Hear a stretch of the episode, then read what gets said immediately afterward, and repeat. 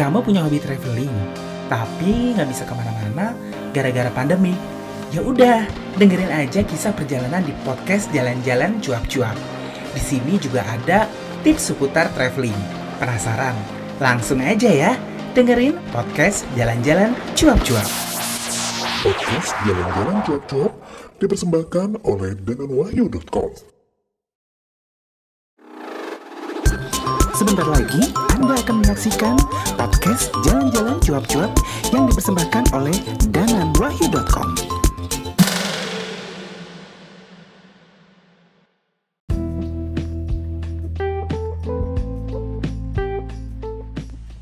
Assalamualaikum warahmatullahi wabarakatuh.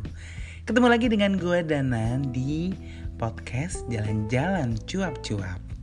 Nah kali ini aku gak akan ngomongin perjalanan sih Tapi mau sedikit cerita Agak sedikit curhatnya Tapi tentang satu tempat. Jadi gue masukin juga lah ya Termasuk di traveling gitu ya. Karena kan gue sebelum tinggal di Batam ini Sempat tinggal di dua kota sebelumnya gitu. Dan akhirnya gue harus pindahlah ke Batam tahun 2014 Yang ini menjadi satu pengalaman baru sih bagi gue keluar dari Pulau Sumatera gitu ya. Dan ini adalah pengalaman baru. Kalau dulu sih gue kan tinggal di Lampung, lahir sampai kuliah di Lampung, kemudian kerja di Jambi 4 tahun. Dan secara budaya hampir sama gitu. Tapi ini Batam bung gitu. Terus bedanya Batam dengan Sumatera apa? Kita akan ulik nih. Jadi gue akan cerita tentang suka dan duka tinggal di Batam ini nanti bakal gue jadiin bagian ke pertama dan kedua ya. Karena nanti di kedua ini gue akan cerita sukanya. Kita ngomongin dukanya dulu.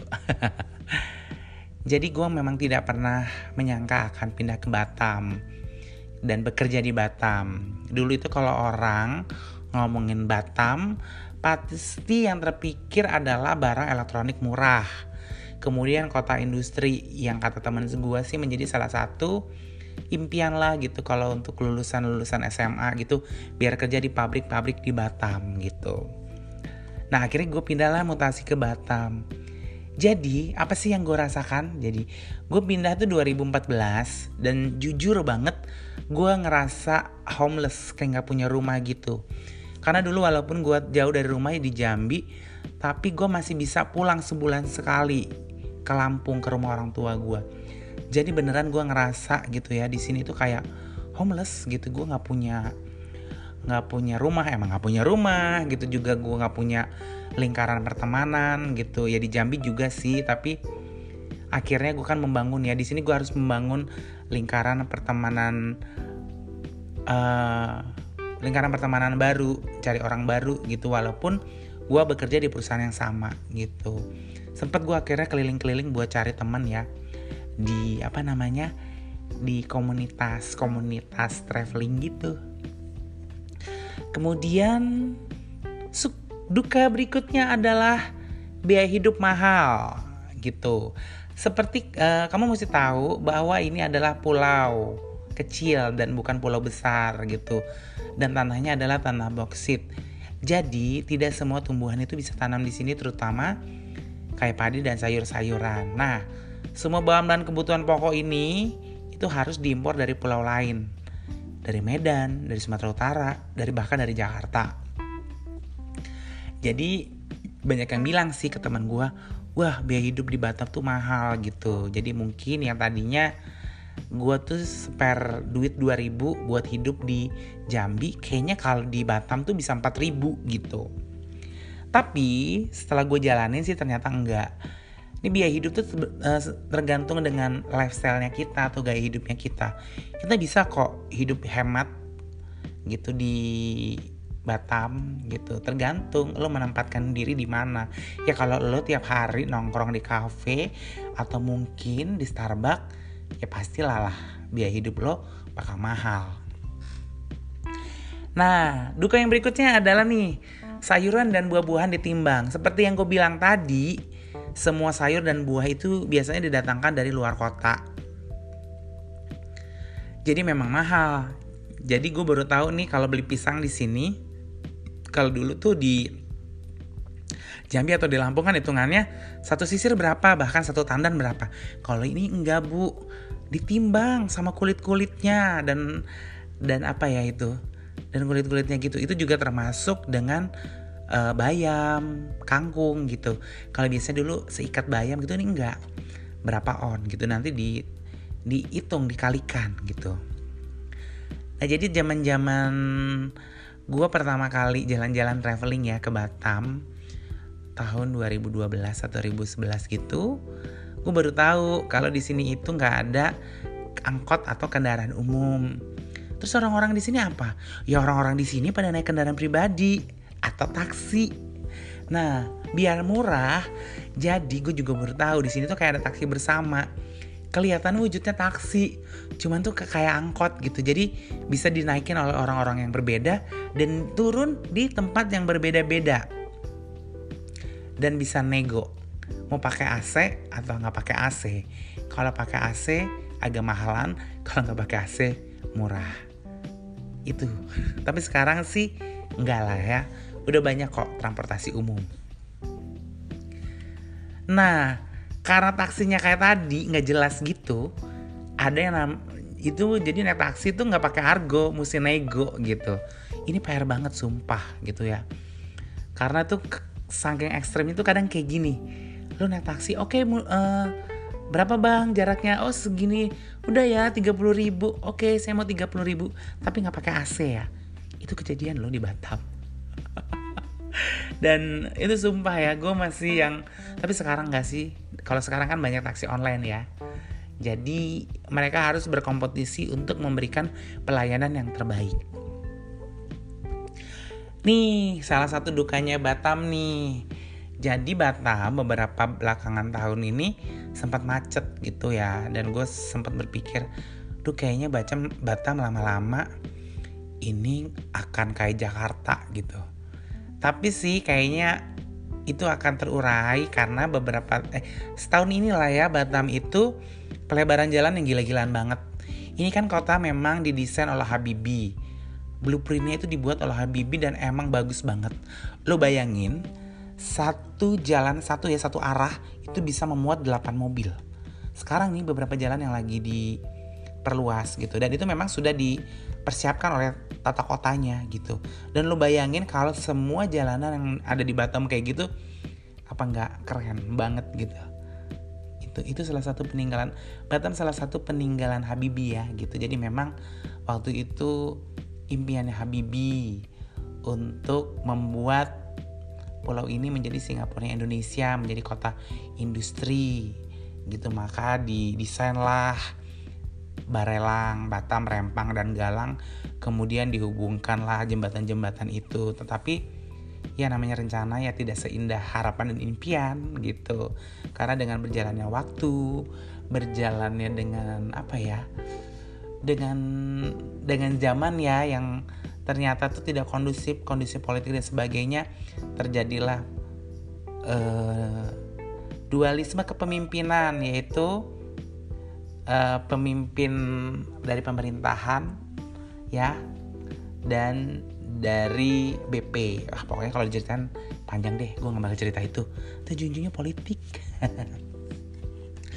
Nah yang gue rasakan di tahun 2014 kemarin itu adalah ekonomi Batam mulai turun gitu. Batam tuh nggak kayak zaman dulu yang kalau teman gue bilang ya uh, Batam itu makmur banget lah gitu jadi di 2014 itu ekonomi sudah turun karena kan di sini tuh kebanyakan pabrik barang-barang elektronik dan perusahaan uh, Sipiat yang mendukung Sipiat dan alat berat yang mendukung aktivitas supporting oil and gas industry.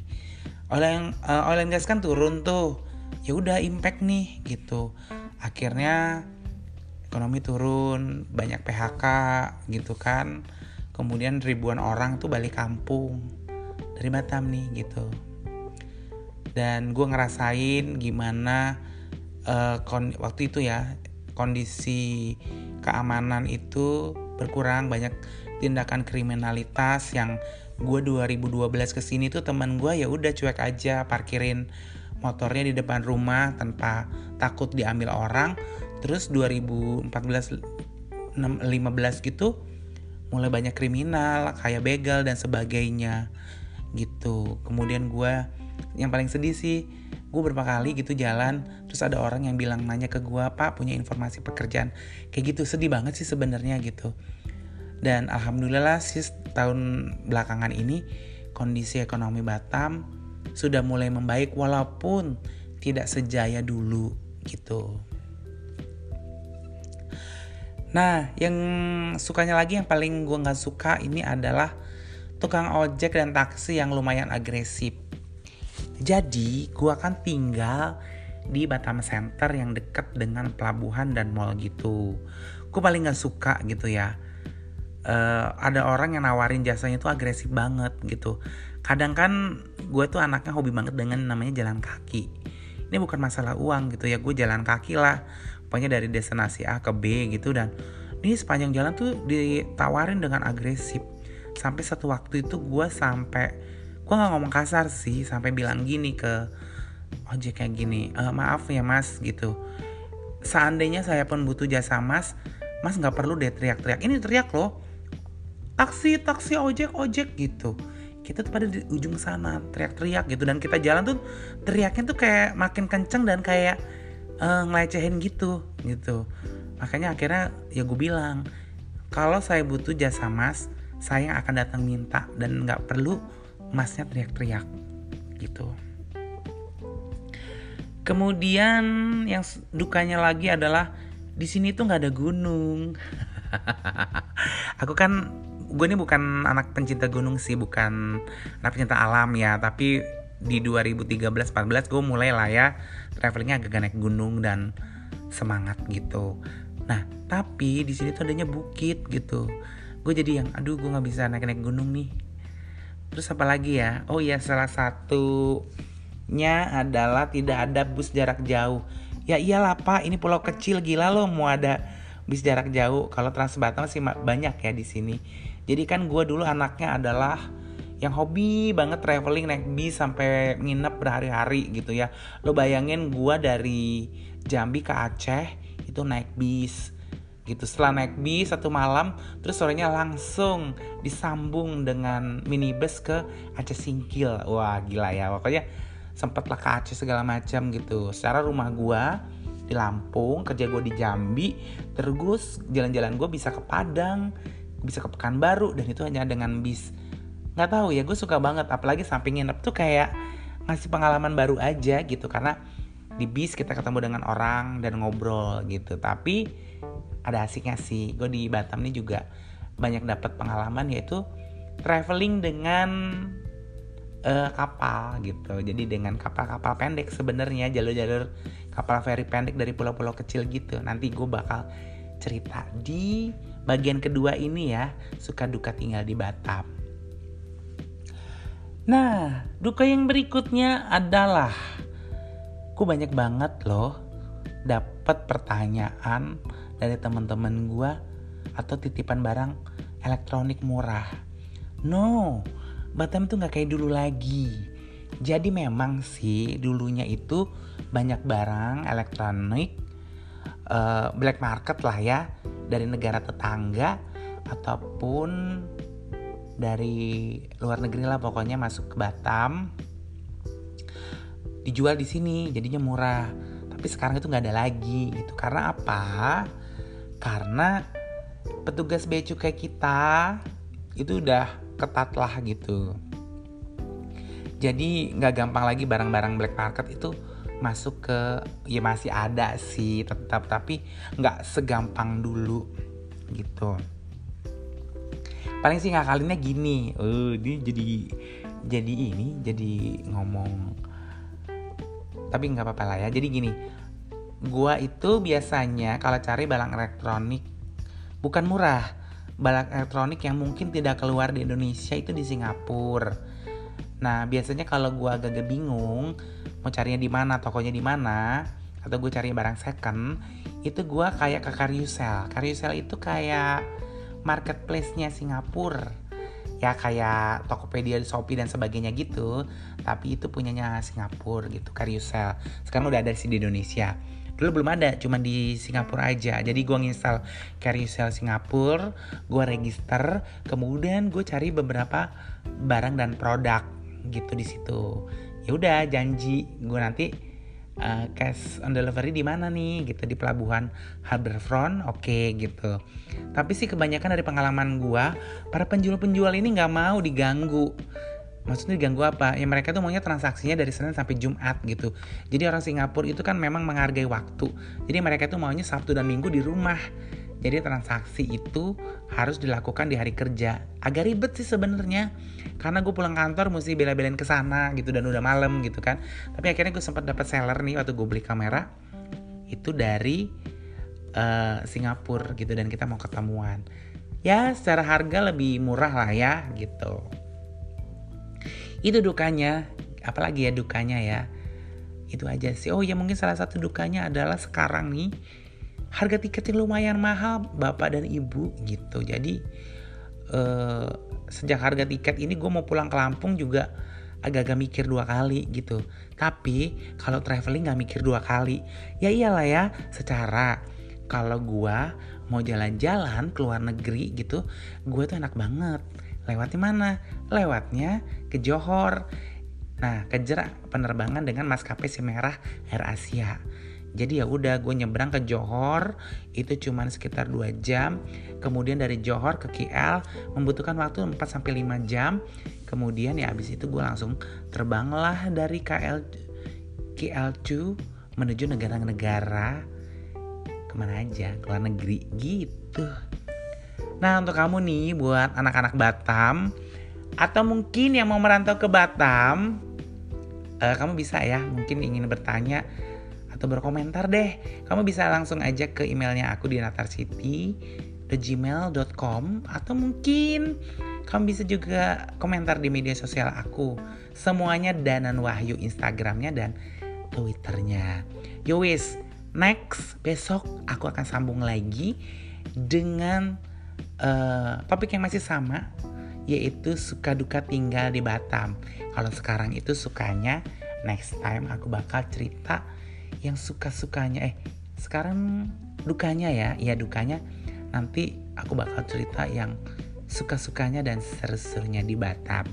Yaudah terima kasih atas perhatiannya.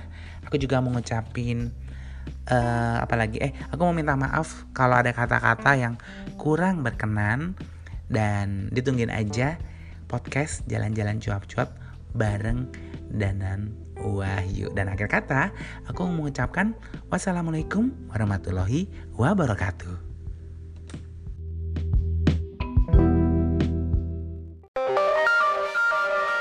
Kamu punya masalah, tapi tidak tahu ingin bercerita kepada siapa.